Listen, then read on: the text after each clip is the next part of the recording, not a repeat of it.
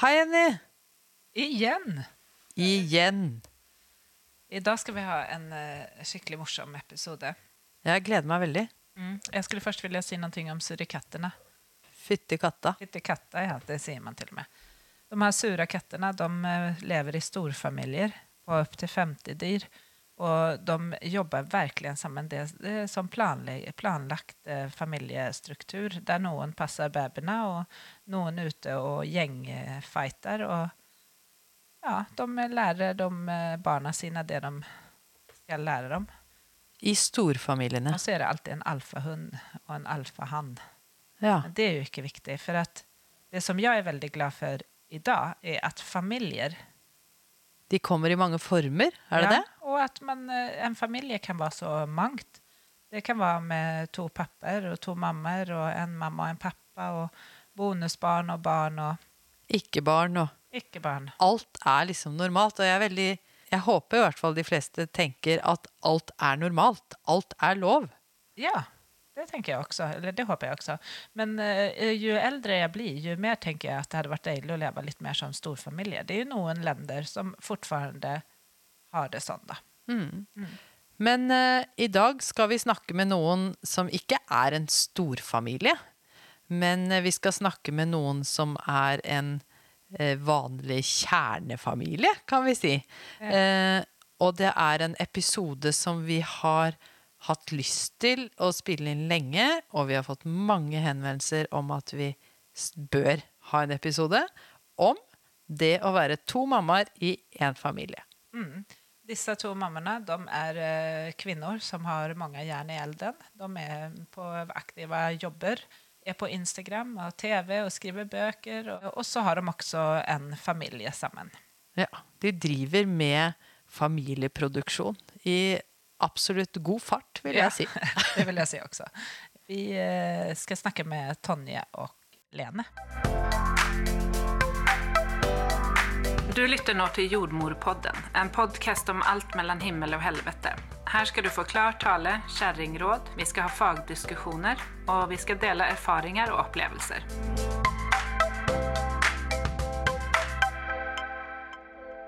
Ja, da sitter vi her hos eh, Lene og Tonje. Ja, Ja, det er skikkelig hyggelig å få komme hjem til dere her, da. Det er veldig koselig at dere ville komme hjem til oss. Det syns vi er veldig stas. Det er bra. Kan ikke dere si litt hvem dere er, da? Åh, det er så stort spørsmål. Altså, det er sånn, Man skulle tro at man er forberedt på å svare på det spørsmålet, for man har vært seg sjøl hele livet. Men det er fortsatt litt sånn Oi, jeg heter Tonje, jeg er sunnmøring, jeg er 32 år eh, og bor i Oslo. En ganske bra bra Jeg start. synes det var en god start. Ja. Eh, Jeg heter Lene. Jeg er eh, 32 år. eh, Kommer fra Oslo og bor i Oslo. Med Tonje og vår lille baby som heter Max. Ja, og så har vi en liten sønn til på vei. Så eh, om eh, tre måneder så er vi fullt hus med to små gutter som eh, Ja, han løper ikke rundt enda, han minste, da, men, eh, men det blir. Det blir ganske mye fart i huset her etter hvert, ja. Gjør det absolutt. Det er bra jobba. Men så det er derfor vi egentlig har kommet for å prate med dere. For at uh, dere er og eh, har vært gravide uh, sammen. Og det er på tide at vi gjør en episode med to mammaer. Ja, det er på høy tid, Jenny. Vi skulle ha gjort det for lenge siden. Men nå har vi i hvert fall fått komme til dere, da. Vi setter jo pris på at dere valgte oss når dere skulle velge noen. Det setter vi veldig pris på. da. Det er jo også for at vi vet at dere er veldig åpne om uh, det temaet. Og at uh, dere, vi har møtt dere på sosiale medier for Det er der vi har møtt dere. Men hvordan er det å være to mammaer? Jeg tror det er det ganske mye likt som å være en uh, mor og en far. Det er uh, ja, hektiske dager med lille Max som begynner å bli mer og mer aktiv. Jeg tenker liksom Det som er litt sånn kult med å være to mamma kontra et heterofilt par, det er jo det at der, der kan faktisk begge to Eller ikke en selvfølge, men, men innimellom i hvert fall, og ganske ofte så kan begge to bære frem barn, så da kan man velge å bytte på eh, hvem som skal gå gravid. Eh, så man er jo plutselig en erfaring rikere i form av at eh, man kan dele den opplevelsen selv om vi ikke gjort det samtidig, så er vi kanskje en annen forståelse for graviditeten til hverandre. Ja. Det syns jeg også er veldig positivt. Men det blir jo også veldig, de blir jo veldig tette, disse to barna våre. Så jeg vet ikke helt om vi, er, eh, om vi vet hva vi har begitt oss ut på. Usynkrone tvillinger. Det er eh, ti måneder mellom eh, guttungene på termin. Eh, så eh, ja, det blir ekstremt tette. Og vi vet jo ikke hva vi har begitt oss ut på. Vi bare, vi bare gjorde det, og så tenkte vi at de andre klarer det, så vi, vi skal vel klare det, vi også. Nå skal Tonje ut i Eller nå begynte Tonje faktisk i permen sin i dag. Eh, og jeg er ute i jobb, så nå skal hun, høygravid, passe på Max, som nå veier over 100 kilo alene. 100 kilo.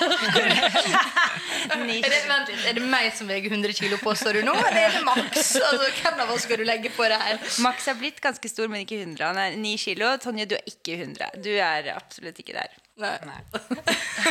Men akkurat det dere sier, da, at det er positivt å kunne dele på oppgavene, det har Jenny og jeg snakket ganske mye om før vi kom til dere i dag. Ja, det- skulle gjerne ville ha en til kvinne i huset. Altså. ja, med litt likere tankesett og litt likere eierskap til de oppgavene som kvinner gjør. Jeg tenker at, For jeg føler at vi gjør veldig mye hjemme. Så hvis man liksom hadde hatt en til av seg selv, da, hadde det jo vært mye lettere. Ja, det Men vært litt, det vet jeg ikke hvordan dere føler på. da. Det er veldig mye hormoner, da. Jo, Ja. og det, det er klart, der er jo litt hormoner ute og går nå. Uh, men, men sånn Hei, hei, hei, hei, pass deg nå. Det var, din, det var din, uh, dine hormoner for et tak siden. ja. Neida, Man skjønner jo mer hva man går igjennom.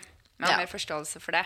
Men så tenker jeg også sånn, det som jeg syns er veldig veldig deilig med å være sammen med en kvinne, det er at Lene tar veldig ansvar på det der med, med klesvask, hva ungene skal ha på seg, hva jeg skal ha på meg. altså Hun tar litt sånn overordna estetisk og planteansvar i huset. Så det, er liksom, det trenger ikke jeg å tenke på. Men hvis jeg hadde vært sammen med en mann, så hadde jeg plutselig kanskje begynt å tenke på de tingene her og tatt litt ansvar for det. Men det er sånn, det har jeg bare sluppet. Og så vil jeg egentlig bare slippe ansvaret på kjøkkenet. Så da tar jeg liksom alt som handler om kjøkkenet.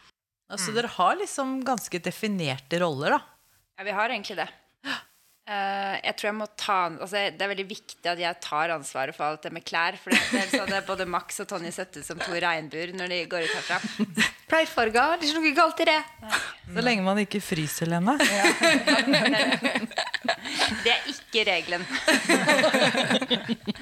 Men hvordan gikk familieplanleggingen til? Altså, hva tenkte dere på før dere skulle skaffe barn, eller bestemte dere for at dere skulle gjøre det?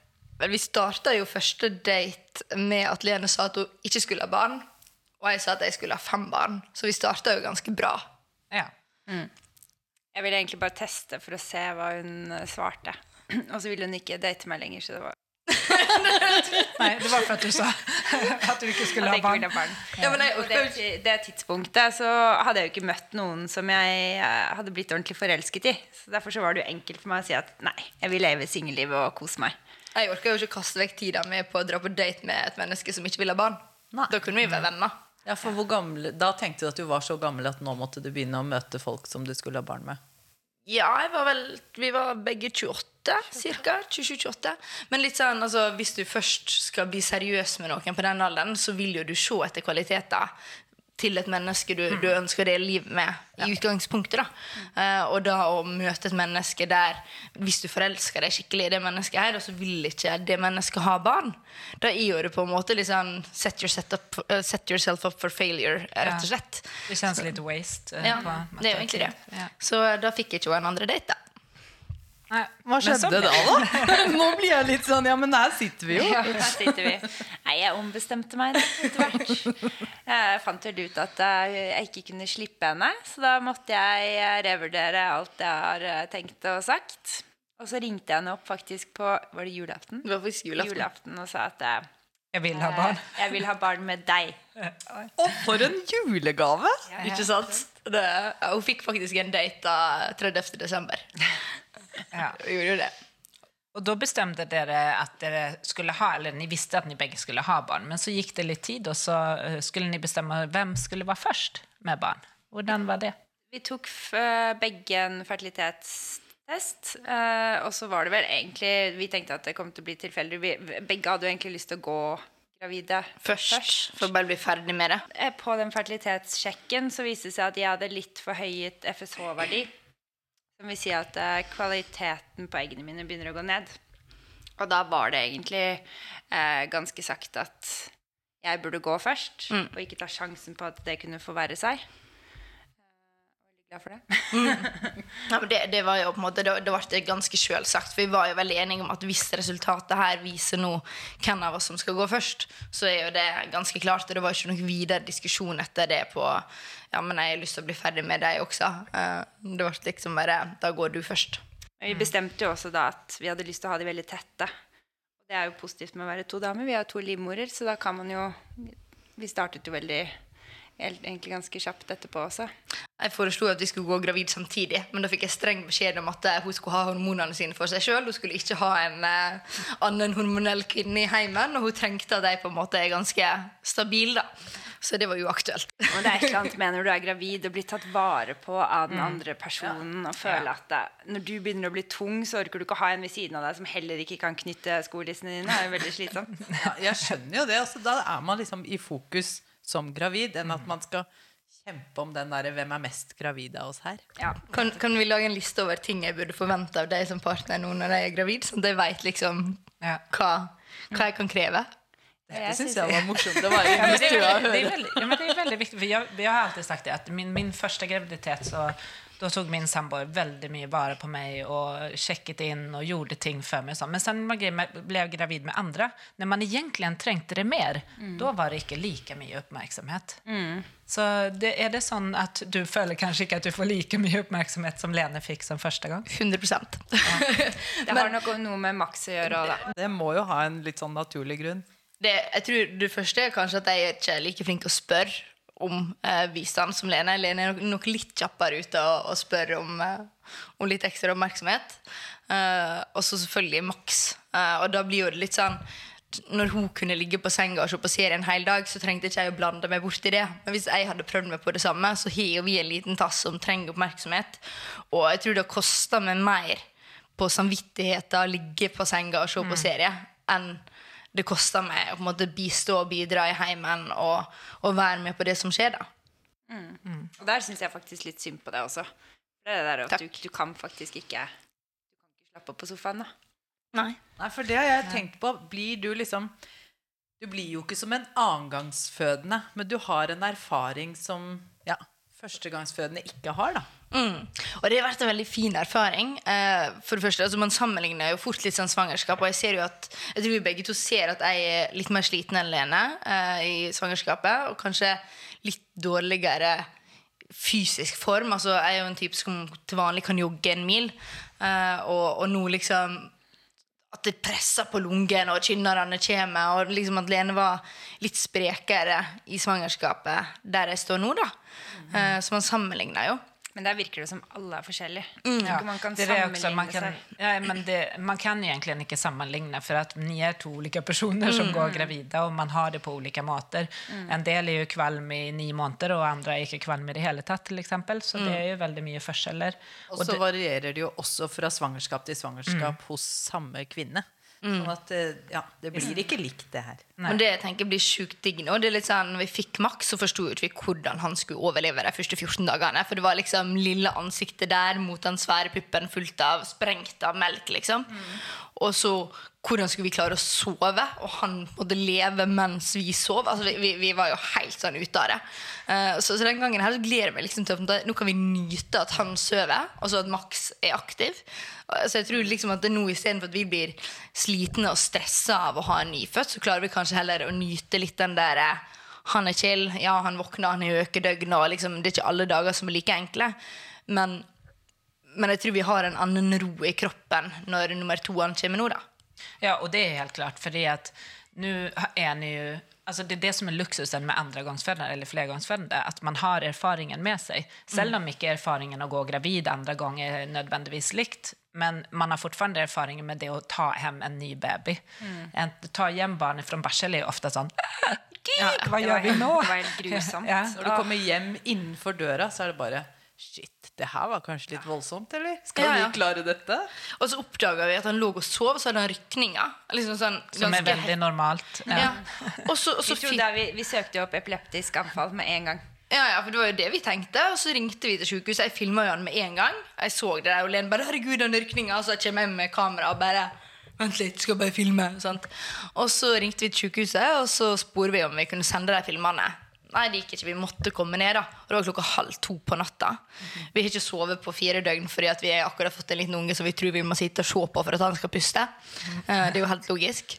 Og så skal vi ned på sykehuset klokka halv to på natta. Vi, altså vi, vi sto på kjøkkengulvet, og bare, bare tårene bare trilla på oss. Liksom. Vi forsto ikke hvordan vi skulle overleve det her. Ja, det var jo Det gikk jo veldig bra, da. Ja. Det gjorde jo det. Det ser jo ut som det har gått kjempebra. Jeg tror vi etter hvert bare tenkte at ja, vi kan ikke være våken hver eneste natt og sitte og se på han. Det går ikke. Vi må prøve å slappe av litt mer. Og etter hvert så gikk det seg til. Men det er litt sånn som med Grandisen. Sant? Hvis du steiker en pizza i ovnen, så sitter du og ser på den til den blir ferdig, i tilfelle det går fortere. Så det er liksom det vi har gjort med ungen. Kanskje hvis vi ser på den, så puster han. Ja.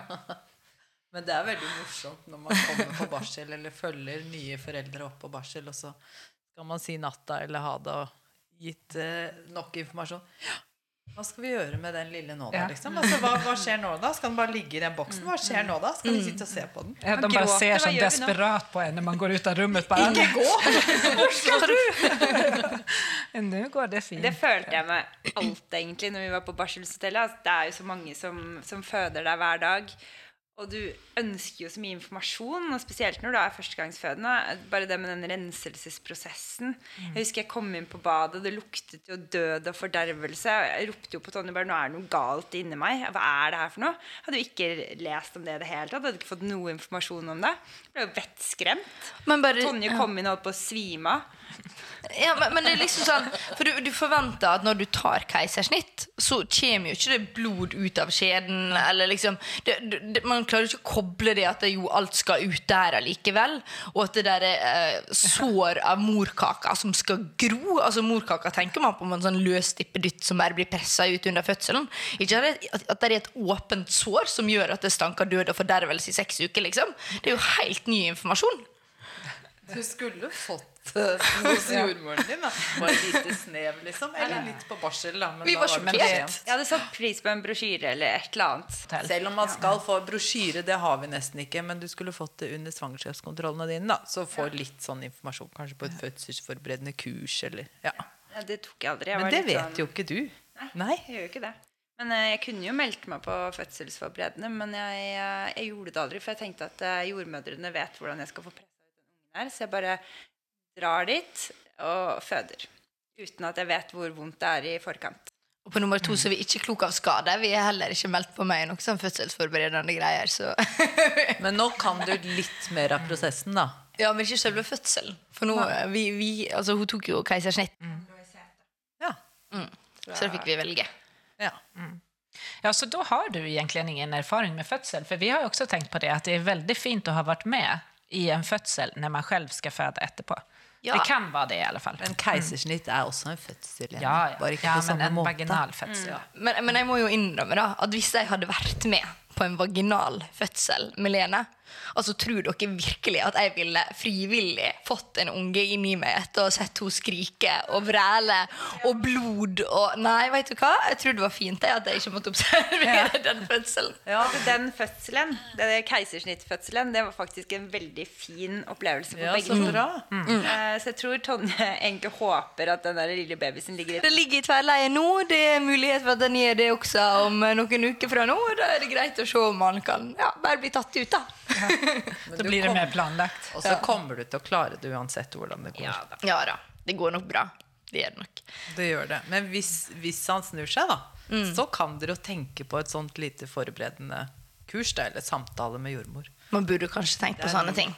Ja. Selv om man tenker at man ikke kan forberede seg. Mm. Men litt sånn mental forberedelse, det er veldig bra. Ja, det är det. Och alltså också veta vad man kan förvänta lite eh, av den tiden. Det är jo många som inte ens tenker tänker en tanke på amming, till exempel, eh, innan man får ett barn. Man Naturlig nok, for man skjønner ikke at Ja, man skal exakt. få et Alltså barn sån- engang. Og så får man litt sånn sjokk kanskje at det ikke var som man hadde tenkt seg. Ja, for jeg så at jordmora mi hadde noe som heter ammeforberedende kurs. Ja. Og så tenkte sånn, guri, finnes det også? Så er ikke det også noe vi bare fikser på sykehuset? Det, var det gjorde vi med Max. Ja, eh, vi- vi fikk jo faktisk en god del hjelp eh, på barselshotellet med amming. Men eh, de de stillingene de viste, var jo kun for keisersnitt. Så mye liggende og en sånn Var det fotball Amerikansk Tilbakelent. Tilbakelent, ja. Amerikansk fotball har jeg aldri hørt Nei. før. Oi, så tvillingstilling. Ja. Ja. Mm. Den var ganske fin. Men hun viste meg jo aldri vuggestilling, så den øvde jeg, måtte jeg øve masse på, da, for den, den var ikke så veldig lett. Men uh, nå kan jeg jo alt, så nå kan jeg lære det videre. Altså, ja, for det tenker jeg. Det kan du jo. Det kan jeg. Ja. det, altså det jeg lærte på sykehuset, det var puppen. Den skal være på nesetippen, sånn at guttungen er nødt til å vippe opp haka for å få mat. Det er liksom, jeg, det er den kunnskapen jeg trenger før jeg går inn i det her. Ja. Og stort gap, og at man ikke har gap, melk i puppen når babyen blir født. At den kommer etter hvert som babyen suger. Ja. Så man ikke blir så utålmodig. Men det kom liksom, altså Lene, var sånn, Lene og Max sammen var litt sånn naturtalent på amminga. Jeg tror ikke Ja. hun følte det. kom faktisk med. Ja, men, men det var veldig sånn Ja, det var veldig fint. Men der var de veldig flinke til å legge han på oppå meg med en gang han ble født. Ja, men det, det er det beste, og det er det vi streber efter overalt. överallt. Att eh, Selv om det er keisersnitt, så prøver vi å legge babyen hud Men mot hud. fikk du, eh, fikk du, ble dere ikke adskilt i det hele tatt fra operasjon? Fulgte dere hele veien? Nei. Nei, jo, opera operasjon så tok Tonje, Tonje han. Eh, Du kan si uh, hun ble sydd igjen. Da var jeg og Max inne med føden. Han. Altså, Ja. Inni meg òg. og da, da lå liksom eh, ja, Max på puppen til Lene og prøvde å aktivere. Og så når hun skulle inn på postoperativ avdeling, da tok jeg Max. Eh, og da hadde han begynt å bli litt kald, for de, de er jo våte når de kommer ut. Så de skal jo være balla inn i teppet med en gang. Uh, og han sleit litt med å få opp kroppstemperaturen helt i starten, så han lå bare inn i jakka mi i ja, sikkert en time, halvannen. Og så fikk vi komme opp Ja, uh, to igjen, da. Og da var han rett på puppen? Ja, han var faktisk det. Rett på. Men han var søkende. Altså han, selv når han lå på meg, så var han veldig søkende etter puppen. Så han var på en måte veldig Han var på ballen, for å si det sånn. Veldig smart. Ja. Men det- har ni hørt om at man kan faktisk stamme begge to? Ja. Mm. Hadde, vi, hadde vi visst det på det tidspunktet, så hadde det vært gøy å prøve. For vi var ganske sikre på at du hadde melk. Du fikk jo de ballongene. Ja, og, og så mista jeg Altså, jeg hadde ammehår. Altså, jeg begynte å miste masse hår. Og Lene bare sånn 'Herregud, så du rek om dagen.' Så jeg bare 'Ja, men gjør ikke du? Du ammer jo.' Hun bare 'Hæ? Er det vanlig å miste hår når man ammer?' Nei, jeg mista ikke hår. Og med meg så var det liksom sånn at det bare falt av. Uh, og puppene var på skikkelig, skikkelig spreng. Så hadde vi visst det, så hadde vi sikkert prøvd å amme med meg også, men jeg tror sånn i retrospekt Jeg reiser jo en del i jobben, så hadde det vært litt dumt å få min kropp kobla på. eh, fordi at hinna sin og Max sin kropp er jo så synkronisert. Så jeg tror nok, selv om Lene potensielt kan amme nummer to, så tror jeg nok ikke at hun kommer til å gjøre det, men det velger jo helt sjøl. Ja, så det er den som ikke bærer, som velger om man vil amme. Har dere den, er det en regel, liksom? Det hørtes ut som dere hadde snakket om det. Jeg tenker, jeg tenker det er naturlig at hun bestemmer sjøl om hun var med eller ikke. da. Det er jo ikke noe jeg trenger å blande meg borti. Ja. Ja, nei, det er litt ferdig. Ja, exakt. Men, vi møter jo noen par på, på Bachelor som eh, eh, noen er som bare 'Å, det er helt perfekt. Og så andre er sånn, nei, det, er ikke, det kjennes ikke rett. Men det er, det er ikke noe der. Altså, det kjennes som, du kunne gått der med at uh, Tonjes barn tvärtom. Ja da. Ja, ja, uten problem. Det tror jeg ikke vi hadde tenkt så mye på. Men altså, klart, altså, eh, når jeg ikke har melk i puppen, så føles det feil at han skal koble seg på meg. Altså, da, da føler jeg kanskje at jeg tråkka litt på Lene sitt domene. Men hvis vi på en måte hadde blitt enige når eh, han kom at å, ja, jeg kan ha med, og vi prøver, da tror jeg vi på en måte begge to var sånn å ja, ja, vi prøver. Uten at det hadde vært noe vi hadde tenkt på, eller at jeg følte at jeg, eh, jeg tråkka på noe der. da. Men, men det er liksom når, når du er ja, noe med at den ene har permisjon og den andre ikke. ja, hvis, praktisk. Ikke sant, Mm. praktisk. Og hvis Tonje nå ikke får til amming, skal jeg plutselig begynne å amme neste jobb. Da tenker jeg absolutt.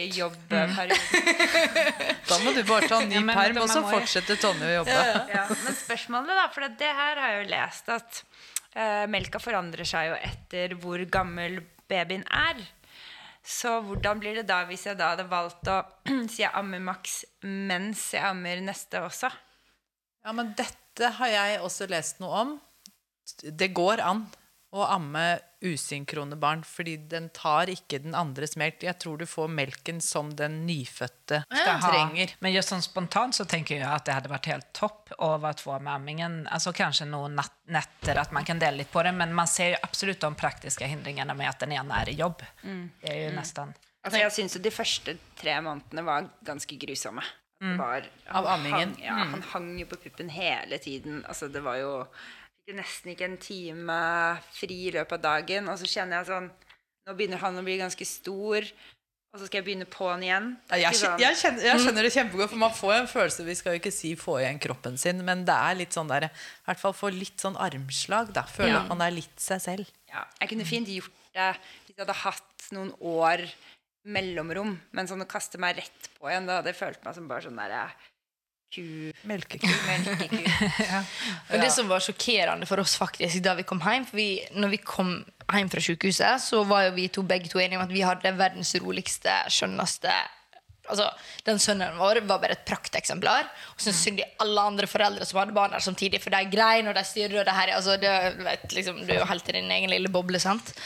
Og så kom vi hjem, og så plutselig så ble sønnen vår et monster. Og vi skjønte absolutt ingenting hva det var som skjedde. for noe. Og så ringte jeg mamma. liksom Han har vært liksom verdens mest rolige, tålmodige, bare sånn verdens skjønneste baby nå i tre døgn. Og så på døgn fire så er det, det er katastrofe. liksom. Han griner, og det, det var skikkelig galskap. Og da får du høre Å ja, økedøgn! Da skal han ligge på puppen. Mm. og hvordan i alle dager skal nybakte foreldre vite at økedøgn eksisterer? Hvor, altså, vi, vi var jo Amhjelpen.no. Ja. ja, Ja. Vi var jo helt sjokkert. eller av jordmor eller barnepleier Eller på barsel. Mm. Ja, vi var helt sjokkert over Ja. hva det var som skjedde med babyen vår. Altså, Han kunne, kunne umulig ha det bra, tenkte vi. Ja, nei, men det er jo så. De har jo økedøgn.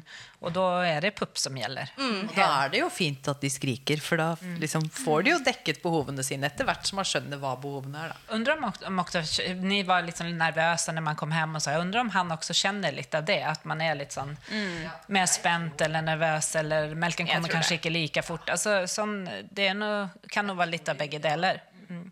Men det är ju fint med kommunikation. Gråt är ju deras språk. Det är jo så man eh, vet att de vil någonting. Så er det utrolig fascinerende også at de har økedøgn hvor de får opp produksjon, og så tilpasser produksjonen seg etter hans etterspørsel. Det er jo helt Ja, det er jo det, men det kan vi jo si om mye. Det sier vi nesten hele tiden. Herregud, fantastisk at kroppen kan Ja, ja. lage et menneske. Og... Det er jo det.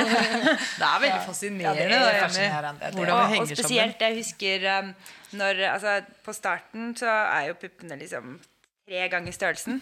Og med en gang han begynte å gråte, så bare spruta det ut av puppene. Det også var sånn alle dager? Så hver gang han begynte å gråte Ja, det var også helt Jeg bare Tonje, se på det her! Men det der, det der med hvor ofte du må skifte sengelaken, da. Altså, det har jeg aldri tenkt på. At det liksom skal være en sånn faktor i forholdet. At nå må du begynne å skifte sengetøy annenhver dag. Fordi ikke bare er det melk på lakenet, men det er melk på dyna, og det er gulp, og det er bæsj. Altså, vi Og det er renselse òg. Ja. Så det, det sengelakenet har egentlig vært sånn Oi, gud, ja, vi skifta i går, så selvfølgelig må vi skifte i dag. Ja. Det er mye nye ting med barn. Jeg skal fortelle at jeg ikke sovet sovit så bra i natt for jeg jag har hostet og hostet og hostet. Og eh, da fikk jeg ny bruk av vår Bibi Hagmi-sponsor. Puten min, den lå jeg på og lente meg tilbake, Jag satt i sittende stilling for å sove. Har dere brukt Bibi Hugme? Masse. Jeg brukte den veldig mye, veldig, veldig mye med en gang jeg begynte å få uh, mage. Og sov på den hver eneste natt. Lene var sånn som hvis vi skulle en biltur til hytta eller liksom overnatte hvor som helst, uansett hvor kort opphold vi skulle ha, så hadde hun med Bibi Hugme, faktisk. Og den kan også lages til sånn lite babynest for babyer. Ja, den kan det. Ja, det er mye ulike bruk for Bibi Hugme. Derfor er vi veldig glade å ha dem som sponsor i vår podcast. Men hva er egentlig den største fordel og ulempe med å være tomammer? Det er også et stort spørsmål. Det bruker du komme med, Jannica, på slutet. Ja. Altså, jeg tror Hvis man skal si største ulempen, så er det vel kanskje hormonene. Ja. Eh, og hvis eh, altså, om, om så den ene ikke er gravid, så er jo det to stykker som potensielt får mensen i løpet av måneden. Så det er jo alltid hormoner i bildet. Uh, Største fordelen må være at begge har morsinstinkt. Ja. og det, Mama bear. Og det, det finnes jo veldig mange fantastiske fine fedre som er superinvolvert, men den tilbakemeldingen vi veldig ofte får, er jo at det, det virker som at det, når man er to mødre, at man er mer involvert i barnet. Og sånn så Lene har jo vært på, på reise fire dager for at vi skulle slutte med nattamming. Og da fikk vi anbefalt at hun burde være borte. Uh, og det funka kjempefint, og også superbra for meg og Max. Uh, og den der, jeg tror når man er to mødre, så har ikke man så mange restriksjoner rundt å reise bort. Og at man kanskje ikke kjenner altså Savn og alt det der er jo selvfølgelig, men kanskje ikke så mye stress relatert til hvordan vil barna ha det. Fordi at det er en annen med morsinstinkt som på en måte vil, Ja. vil være til stede. da. Og du har jo vært like mye sammen med Max, og Max, man merker at Max føler seg like tilknyttet Tonje som til meg, selv om det er jeg som ammer. Og Ja. det synes jeg er ganske det er jo sikkert sånn med en mor og en far også, men jeg tror det er et eller annet med det der at kvinner involverer seg enda mer. kanskje krever større plass. Altså at jeg tror liksom det er lettere Si hvis en, en mor fører et barn, da, og så er det en far, så er det kanskje lettere for mor å kreve at det her er min plass som mor. Mens eh, når man er to mødre, så, så kan ikke du kreve den plassen som mor, fordi det er begge sin, sin plass, på en måte. Men det er ganske fascinerende at du, Lene, stoler så mye på morsinstinktet til Tonje at du kan dra fire dager da og tenker at det er like mye mamma igjen. Det må jo være ja, veldig fint. Jeg tok jo vare på hele svangerskapet. vet du. Det var veldig skummelt, men jeg ser også hvor, hvor knyttet Max er til Tonje. Så var, jeg var aldri bekymret for at det ikke skulle gå bra. Nei. eneste jeg bekymret meg litt for, var at han ikke var sånn supergod på å ta flaske. Mm. Men jeg tror det handler om mer den tilknytningen, at han kjenner lukten til Tonje, stemmen til Tonje. Og alt det der gjorde jo at det gikk jo nesten bedre enn når jeg er her. For jeg tror det er lettere for han å gråte når han lukter meg og Ja. vet at puppen er til stede. Han vet han kan gråte seg til puppen sant? med en gang hun er i nærheten, mens det, det går ikke med meg. Og Første morgenen når jeg prøvde å gjøre morsmelkerstatning på senga, så var han litt sånn Kødder du med meg nå? Og slengte seg rundt, kikka etter Lene og bare sånn Prøver du virkelig å gi meg flaske om morgenen? Eh, så da gikk vi ned, så satte jeg han i tripp-trapp-solen, og så prøvde jeg å gi han da. Og da var det sånn Ok, hvis det her er det eneste du tenkte å tilby meg, så greit, jeg aksepterer det for nå. Eh, så vi brukte liksom første første tolv timene første dagen kan du si, på liksom sånn Ja, det her er flaske, og jeg veit du helst vil ha puppen, men sånn er det. Men han grein faktisk ikke. Han gråt ikke. Han var eh, veldig bare sånn ja, litt sånn, Tuller du med meg nå? Liksom. Og du så liksom at det her var ikke greit, men ok. Hvis det her er det eneste alternativet, så la gå. Men gjorde dere denne avvenningen jeg ble bare veldig nysgjerrig, fordi du skulle begynne å jobbe, Lene? Eller hadde dere gjort den uansett? Var det liksom kommet dit uansett? Nei da. Det, var, det var mer det at jeg tror jeg trengte å være litt uh, annet enn bare mamma. Kjenne at jeg var uh, litt Lene også. Eh, og så kommer det jo en til, og da blir man jo enda mer låst. Så jeg så egentlig ikke noen andre muligheter enn uh, å gjøre det nå. Og så har det vært utrolig deilig på natta nå når han ikke ammer. Fordi tidligere så har han våkna og grått kanskje tre-fire ganger i løpet av natta, som vi vet vi absolutt ikke er noe å klage på. Uh, men, men etter han slutta med amming på natta, så han slutta å våkne opp og gråte. Da er det på en måte Du hører han blir urolig, og så gir du han smokken, og så er det stilt. Så nå sover han egentlig ganske godt gjennom natta uten noen utfordring. Så, så det å få slutte med nattamming har jo vært en gavepakke til søvnen vår, selv om han på en måte har vært en, en bra baby generelt. da. Jeg vet jo det at mange er bekymret for at de ikke får i seg nok mat hvis man ikke gir på natta. Um, men der fikk jeg veldig mange gode tips fra jordmor. Annet at etter seks måneder, hvis, du, hvis de har begynt med fast føde og er flinke til å spise imellom ammingene, så skal de klare å gå natten uten uh, mat. Så vi testet det, og det gikk jo kjempefint. Jeg tror han blir nesten mer urolig hvis han får mye pupp om natten. Virker det som. Mm. Da vil han mye, liksom får han litt, så vil han ha mer. Mye vil ha mer. Mye vil ha mer. Ja, vi merker det at hvis hun på en måte slipper opp litt, og på en måte sånn, men det hadde vært koselig å gitt han litt pupp, så blir det ganske dårlig stemning dagen etterpå. Da er det sånn, det her må vi, altså, det, det her det Må går ikke. Ja, man må Ja. være konsekvent for at det her skal gå bra. Og så tror jeg Ja. de bruker eh, puppen mer som smokk etter hvert på natta enn noe Kos og annet. Mm. Så. Men snakket ni för uh, dere skulle få Max om vad som er viktig for meg, Eller hadde ni omtrent de samme vurderingene hva som var bra å tenke på når man fikk et barn? Vi har egentlig aldri satt oss ned og hatt en sånn ordentlig oppdragelsesprat, men vi har prater veldig mye relatert til når man ser andre barn. Og liksom 'Det her ønsker jeg, og det her ønsker jeg'. Så, så vi, Vi var ganske enige om det meste. ja, Jeg vil egentlig si det. Vi kan jo selvfølgelig møte på noen utfordringer. Det, vi har allerede møtt på en del utfordringer, så det er ikke noe problem. Man kan skal ha på seg, f.eks. Det er enkelt. Nei, men jeg tror vi, Så lenge man, vi har mye av de samme verdiene, eh, mye av de samme interessene, så tror jeg det, det kommer til å gå seg til. Ja. Jeg tror liksom vi har hatt en fordel Vi har jo vært sammen nå i ja, fem år uten barn. Uh, og jeg og Lene liksom, vår parterapi er at vi går ut spiser en femretters middag, og så drikker vi oss nesten litt sånn småfulle sammen. En cocktail her og vin, vinmeny til uh, maten. Og så sitter vi og prater om alt som på en måte foregår i hodet vårt. Så det er litt sånn eh, parterapitime. Prøve å ha det en gang i måneden. Eh, nå har jo det naturligvis ikke blitt i det siste, eh, av ymse grunner. Men, men liksom at man har jobba seg gjennom veldig masse i den perioden der. Mm. det tror jeg egentlig har hjulpet. Og også det at vi hadde IVF som metode. At det var prøverøre og befruktning utenfor livmoren, som var eh, en krevende prosess, som gjorde at vi måtte, måtte jobbe oss gjennom ting der også. Og det tror jeg har lagt et godt grunnlag for kommunikasjonen. da, Og litt sånn Det her ønsker jeg, og det her ønsker du. Og det har vi snakket mye om også, det å være flinke til å ta vare på hverandre. Uh, og det må vi være flinke på når neste kommer også. Nå har vi jo maks i senga, og det er jo ikke akkurat Det gir jo ikke mye rom for liksom man ja. Kjærestetid. Eh, Han er jo der hele tiden. Men Olene det Lene å- vil ikke ha han ut av senga heller. Nei, så. det det. Men det at man tar en dag i ny og ne og har en liten date, drar og spiser, gjør et eller annet sammen, det er jo veldig viktig for forholdet og for barna våre også. Ja. Kjempeviktig. Men vi lagde nettopp en episode om morsrollen. Nemlig at hun vi hadde med der, hadde lagd en sånn Nordstjerne. Hun og mannen før barna kom.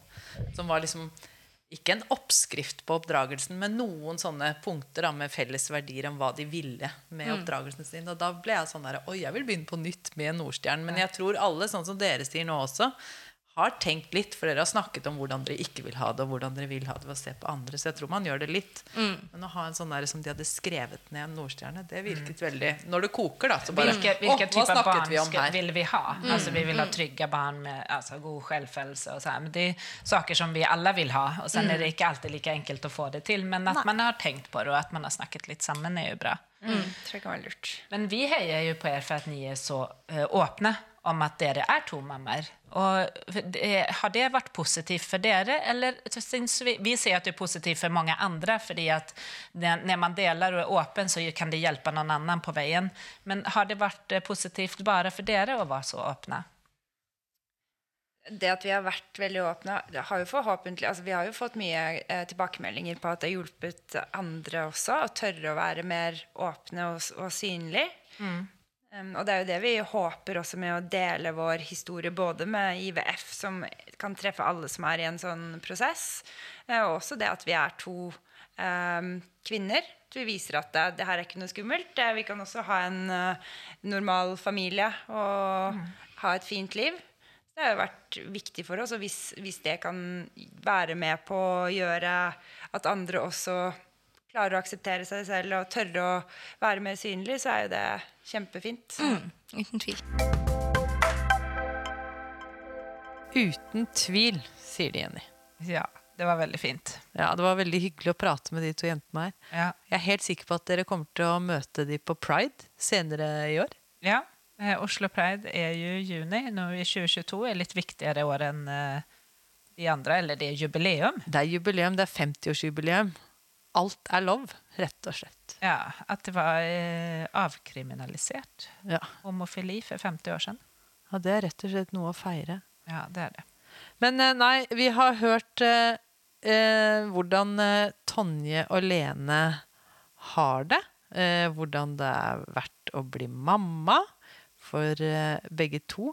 Eh, vi snakket om at to mammaer kan amme ett barn. Ja, og da spurte vi Kine om det. Det var det vi gjorde. Hun som vi har brukt som ammeekspert. Og hun sa at tandemamming, det kan hun jo masse om. Eh, og det går an. Da er det jo på en måte én mamma som har født begge barna. Og da vil melken justere seg til det minste barnet. Sånn at den nyfødte vil alltid få eh, den melken den trenger. Ja, så selv om man ammer, og så får man et barn til, så når man går igjennom i graviditet, så lager man ny råmelk til den. Ja, og så må man jo da alltid prioritere den minste, sånn at den minste får først. da. Mm. For den, den eh, fulldier jo ofte. Ja, Men altså, eh, det går. Ja, det går. Og eh, jeg tenker at eh, det går også for en medmor som ammer å bidra med ammingen på søsken. Men at man da passer på at eh, ja, de nyfødte, de minste, alltid får det de trenger, da. Ja. Og så tenker jeg at det er fullt lov som Lene å kjenne at uh, det er nok med en amming, så at man ikke går rett inn i en annen. Ja, jeg tenker absolutt det. Så, men det er hver for sin smak. Vi er forskjellige. Alt er lov. Alt er lov.